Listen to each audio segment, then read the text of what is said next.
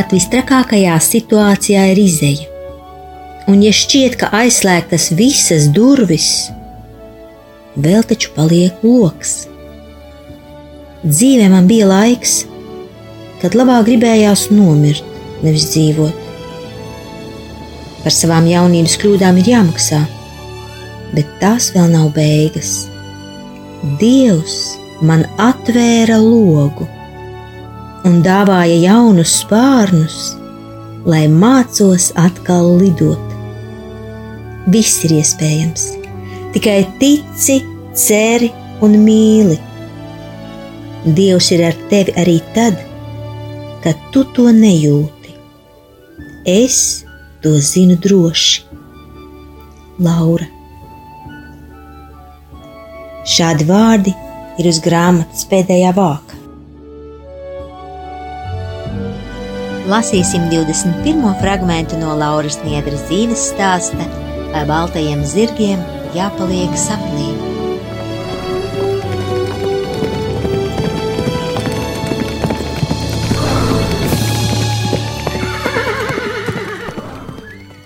Kopš Laura strādā, Gatis nekautrējas samērā bieži no viņas aizņemties.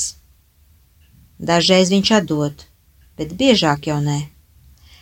Tāpēc Laura cenšas iztērēt visu nopelnīto naudu pēc iespējas ātrāk un jēdzīgāk. Viņa samaksā par bērnu dārzu, pusmaksu par apkuri un sapērk lielos daudzumos sausos produktus. Pārējo meitene noslēpj. Diemžēl tā ir jādara, jo gata tērēšanas prasme ir bezizmēra. Taču, kas noslēpts, tas neskaitās. Nav un viss bet citreiz vīram naudu vajag tik izmisīgi, ka viņš lūdz Lauru iet kaut kur aizņemties. Tad nu meitene ar savu piecīti aizšķāpo līdz ildzēji un sarunā, ka viņa it kā aizdevusi. Svešam cilvēkam gads varbūt pakaunēsies neatdot. Cik ļoti neciešama ir šāda dubultā dzīve, cik ļoti neciešama. Bet ko Laurai darīt? Ja vīrs par ģimeni nerūpējas. Pēdējā laikā viņš bieži vien arī slaistās pa māju, visu dienu pie televizora, kaut ar bērniem būtu paspēlējies. Taču šajās dienās Laurai ir problēmas ar ģimenes pabarošanu, jo naudas taču nav. Ja Gatis uzzinātu, ka ir, tad tūlīt noņemtu visu bez sirdsapziņas pārmetumiem tāpēc Laurai ar bērniem nekas cits neatliek, kā iet pusdienot uz mežu. Iesim piknikā, viņa uzsauc bērniem, un tad ir neizmērojamas gāvils. Mājās katlā paliek vārīti kartupeļi, bet Laura ar bērniem caur veikalu dodas uz mežu. Viņi sakur ugunskura, cep desiņas un priecājas par skaisto skatu pie dambja. Uz mājām viņi nesteidzas jo tur ir stress, dusmas, neizpratne un mūžīgās sūdzības par slikto pasauli. Turpretī šeit ir miers un brīvība. Nav neviena, kas pēkšņi ne par ko varētu sakliekt, nav neviena, kam varētu būt iemaksāts par vīra kaitināšanu vai bērnu sazāļošanu. Ir tikai rāmā ūdens mirdzums un darbīgo bērnu čalas. Gata mašīnām nav un nav pieprasījuma. Katra atvestā mašīna tiek pārdota ar lielām grūtībām. Bet Latvijā strādāt vienkāršu darbu vīrs nevēlas. Viņu vilinot ceļš, tieši pats ceļš. Vienu vakaru Gatis Laurais saka: Paklau, nav izslēgts, ka arī tu visā tajā esi iejaukta. Es pats zinu, ka esi jo ir lietas, kuras esmu teicis tikai tev. Arī tu esi uzpirkta. Laura vispār nesaprot, par ko iet runa. Lielāku absurdu viņa nav dzirdējusi. Viņa tik maz kontaktējas ar cilvēkiem, un arī tad pārsvarā runā tikai par saviem bērniem. Par vīra darījumiem meitene vispār nekā nezina un viņai nav nekādas intereses par tiem runāt ar kādu. taču taisnoties vīra priekšā būtu neprāts. Meitene tikai nogroz galvu, ar dziļām skumjām paskatās gata acīs un saka: Tu vairs pats nesaproti, ko runā. Taču vīram liekas, ka viņš saprot visu. Gatis pavēlošā tonī nosauca veselu rindu cilvēku, ar kuriem Laura baznīcā nedrīkst kontaktēties. Tie ir bīstamie cilvēki, kas visus šos gadus pierādījuši sevi kā gata draugi, bet nu viņa prātā kļuvuši par ienaidniekiem. Vīra prāta visapkārt vispār ir tikai ienaidnieki, un viņš nekontaktējas ne ar vienu. No baznīcas pēc dievkalpojuma gandrīz skriešus izmetas ārā, lai tikai ar kādu nebūtu jārunā atstājot Lauru ar diviem saģērbjamiem pusaizmigušiem bērniem.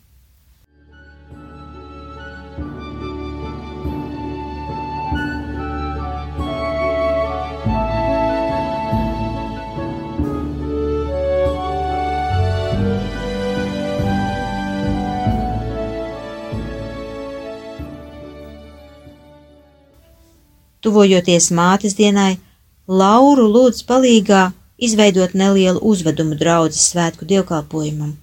Sižets jau ir gatavs, un Laurai lūdz tēlot eņģeli, kas pavadīs kādu bērnu. Laurai nav īpašas vēlēšanās, jo meitene jūtas nogurusi, taču atteikt negribas. Tā Laura cenšas iejusties eņģeļa lomā. Uzvedums izdodas mīļš un jauks. Pēc dievkalpojuma daudzi personīgi saka paldies, bet Gatis tikai noprasa. Kāpēc tev iedeva eņģeļa lomu? Vienkārši nebija kas tēlo, atbild Laura.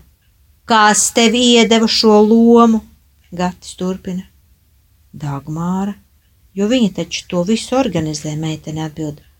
Tā jau es domāju, tas arī nav nejauši. Tas ir, lai visiem parādītu, cik tu esi mīļa un laba un cik es esmu nejauks. Dusmas dienu spriedze tikai pieaug, jo tagad Laurai ir jābaidās satikt cilvēkus, kas visu laiku tika uzskatīti par draugiem. Bet šad tad trepēs gadā saskrieties un pārmīt kādu vārdu par bērniem un veselību, bet šo sarunu laikā meitenei piemetas īsts drudzis Ja nu Gatis ierauga, ka viņi sarunājas, tad atkal skandāls būs neizbēgams. Laura pat vispār vairs nesaprot, ar ko viņa drīkst sarunāties. Viņā iemājo nemitīgas bailes, un viņa cenšas nesarunāties ne ar vienu. Arī uzturēties mājās, kad vīrs nolēmis gulšņāt, ir ārkārtīgi smagi. Visu dienu ir tik stresaina sajūta, ka Laurai šķiet, viņa tūlīt sajuks prātā. Meitene sen ilgojas pēc divriteņa, uz kura grūtos brīžos varētu izveidināt galvu, traucoties pretī vējam. Taču līdz šim tādas iespējas nav bijis. Laura arī Gatim ir lūgusi, varbūt viņš var atvest kādu lētu riteni no Vācijas vai Austrijas, jo tur taču lielākā daļa pārvietojas ar velosipēdiem. Taču Gatis noteica: pacieties, varbūt, ka drīzumā tev būs mašīna. Kāda mašīna, kad parādi visās malās? Un Laura nemaz negrib mašīnu. Viņa jau sen ilgojas pēc divriteņa, lai var izjust svaigu gaisu un vēju, Tas tiešām ir meitenes daudzu gadu sapnis. Ir lielā piekdiena. Gatis kaut kur aizbraucis savos darbos, bet Laurai rodas pēkšņā ideja. Paklau, Jančuk, tu man palīdzēsi izvēlēties divriteni. Es dzirdēju, ka netālu no ogres esot kaut kāda lietoto velosipēdu tirgotava elkšņi. Braucam! un Jānim acis smirdz briestošo piedzīvojumu priekā. Laura sarunā, ka Daina pieskatīs mazos, kamēr viņi būs prom. Tad uzmet plecā mugursomu un dodas stopot mašīnas. Gadās, ka garām brauc Jāņa mūzikas skolotājs, kurš viņus laipni uzņem un aizved līdz pašiem elkšņiem. Kāda veiksme! Nav jāmeklē ceļš un jāmaldās.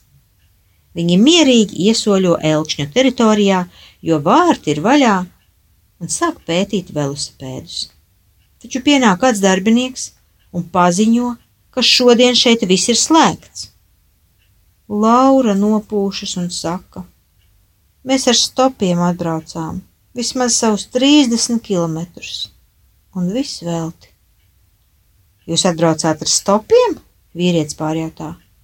Un kā tad jūs taisījāties to riteni vest mājās? Nu, līdz ogres stacijai viens braukšus, viens skriešus, saka Laura. Tad ar vilcienu līdz ķēgumam, tad es braukšu ar autobusu, bet Jānis mīsies līdz pašām mājām. Vīrietis izskatās sajūsmināts un pārsteigts par viņu uzņēmību. Varbūt tomēr varēšu jums kaut kā palīdzēt, viņš saka. Dabūšu atslēgu un ielaidīšu jūs pie lietotajiem riteņiem. Tik smuku meiteni gribas šodien iepriecināt. Jo pēc brīža viņi dodas prom ar jauku ātrumnieku. Laura gan bija dzirdējusi, ka te varot dabūt riteņus par desmit latiem, taču šis maksāja 25, bet viņi abi ir ļoti apmierināti. Vakarā ritenis lepni stāv pie mājas. Tikai ko teiks Gatis?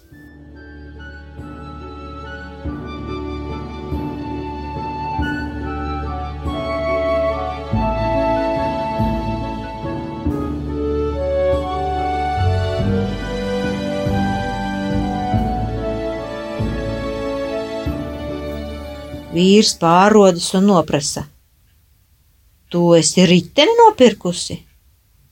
Pārāk šauras riepas, un ķēde izteipīta, un zobrati nodiluši. Cik tad maksāja? 25 lati, Laura atbild. To naudu es tev atdošu, Gatis par pārsteigumu saka. Laura to nav ne gaidījusi, ne cerējusi. Pēc dažām dienām vīrs tiešām viņai iedod 25 latus. Tā ir lielākā summa, ko Laura saņem no vīra rokām, jo uzturam viņš nav devis negrasi. Nu, Laura katru vakaru izbrauc kādu līkumu ar riteni. Viņa iemanās arī uzsēdināt abus bērnus uz bagāžnieka, un tā viņi katru rītu dodas uz darbu. Motorizētā vienība, tā viņus tagad dēvē bērndārzā un apkārtnē. Kad vakaros ir grūti, Laurai jābrauc kaut viens kvartāls ap tuvākajām mājām, un tad atkal var ciest. Kad Gatis izdomā visu dienu pavadīt mājās, tad Laura uzsēdina bērnus uz divriteņa un dodas garā izbraucienā. Reiz pat tuvu 30 km nobrauca, vedot abus bērnus uz bagāžnieka. Izstaigāja Lindas parku, izspēlējās pie Daugavas, izgozējās mežu saulēnajos placīšos, un tad pēdējiem spēkiem pārbrauca mājās. Toreiz vīrs brīnījās, kad Laura stāstīja, ka tomēr tikuši līdz Lindes parkam. Kad izbraucot, Laura bija nosaukusi savu galamērķi, Gātis nebija ticējis, ka meitene līdz turienei nokļūs. Tuvojas vasara, un beidzas Lauras darba līgums ar bērndārs vadītāju. Palikt darbā nav nekādas iespējas jo pagastā nav bērnu. Vienīgais variants meklēt darbu ogrē, bet nav nekāda transporta, lai tik agri izbraukātu un tik vēlu tiktu mājās. Un kā tad pašas bērni? Šis jautājums paliek atklāts. Bet Lauras sirdī ir miers, jo bez darba viņa vēl nekad nav palikusi. Viss ir dieva rokās. Bet pirms tam vēl jāizmanto vasara, jāizpriecājas par saulīti, jāsalasa labi daudz melleņu un jāpiedalās ikgadējā kristīgo bērnu nometnē, kurā Laura jau septiņus gadus pēc kārtas piekritusi palīdzēt nodarbļu vadīšanā. Kad tuvojas vasara, bērni jau ar nepacietību jautā: Mamīt, mēs šogad brauksim uz nometni, Protams, ka brauksim. Kā tad bez nometnes? vienmēr atbild Laura. Kad meitene jau saņēmusi tēmu un sākusi gatavoties, vienu dienu Gatis pēkšņi saka: Nebrauc lūdzu uz nometni. Kāpēc? Laura ir neizpratnē. Es jau apsolīju palīdzēt un tēmu paņēmu, un bērni tik ļoti gaida. Kas var būt labāks, kā izpriecāties svaigā gaisā? Es nevaru tev paskaidrot, saka vīrs. Vienkārši es tev lūdzu, nebrauc. Es nevaru nebraukt.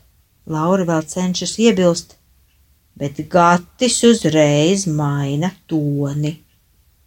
Tad es tev saku, tu nedrīksti braukt uz nometni. Tev mani ir jāklausa. Tā ir rakstīts Bībelē saruna ir izbeigta. Un Laura nevēlas strīdus. Viņa labāk ziedos šo brīnišķīgo iespēju trīs dienas pabūt nometnē, nekā izraisīs nesaskaņas. Taču viņa jūtas nemīlēta, necienīta, apspiesta un emocionāli pakļauta. Bet citu izēju meitene neredz. Viņa paņem telefonu un ar smagu sirdi zvana Dagmārai nometnes vadītājai.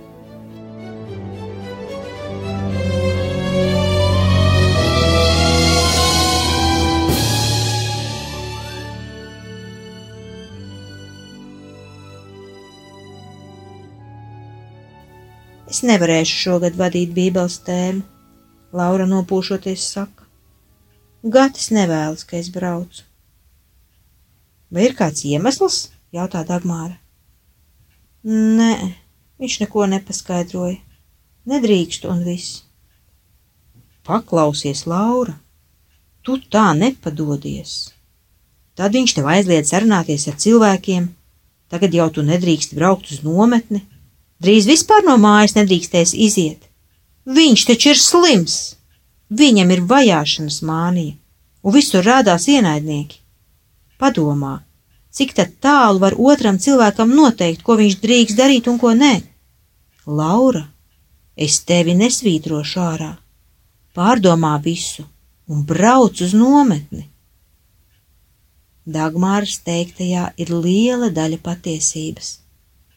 Gatis tiešām sāk regulēt Lauras dzīvi, un viņa nolēma tomēr braukt. Nu, ko tu izlēmi? Pēc pāris dienām Gatis jautā: Es braukšu. Klusi, bet noteikti atbild meitene. Ak, tā! Nu tad bērni paliks mājās. Viņi nekur nebrauks, noskalda vīrs. Laura jūtas kā aplieta ar augstu ūdeni. Tā jau ir šantāža. Bērnus atstāt gatim nevar nekādā gadījumā jo viņš nekad nav par viņiem rūpējies. Taču Laura cenšas nomierināties un atstāt visu dieva ziņā. Bez bērniem viņa nebrauks, tas nu ir skaidrs. Pēc dažām dienām zvana Dagmāra, lai uzzinātu, ko Laura izlēmusi. Meitene viņai izstāsta savu bēdu stāstu un savas bailes, bērnu sastāt mājās bet Dagmāra viņu nomierina. Tie ir tikai vārdi. Gatis vienmēr cenšas tevi ietekmēt. Padomā pati, ko viņš darīs trīs dienas mājās ar bērniem. Viņš taču nekur nevarēs aizbraukt. Gan jau viss būs labi, taisieties tikai visi un brauciet. Laura jūtas saprasta, atbalstīta un iedrošināta. Viņa brauks. Pienāk izbraukšanas diena. Gatis grozās pa māju un nemaz netaisās uz garāžu. Laura mierīgi pakojas. Pirms pašas izbraukšanas Gatis akmens cietā tonī nosaka: Nu tad izvēlies! Nometni vai mani! cik šie vārdi ir smagi. autoritatīvi un cietsirdīgi. Tā taču ir šantāža. Vai tam vajadzētu pakļauties? Un Laura aizbrauc. Par laimi ar abiem bērniem pie rokas.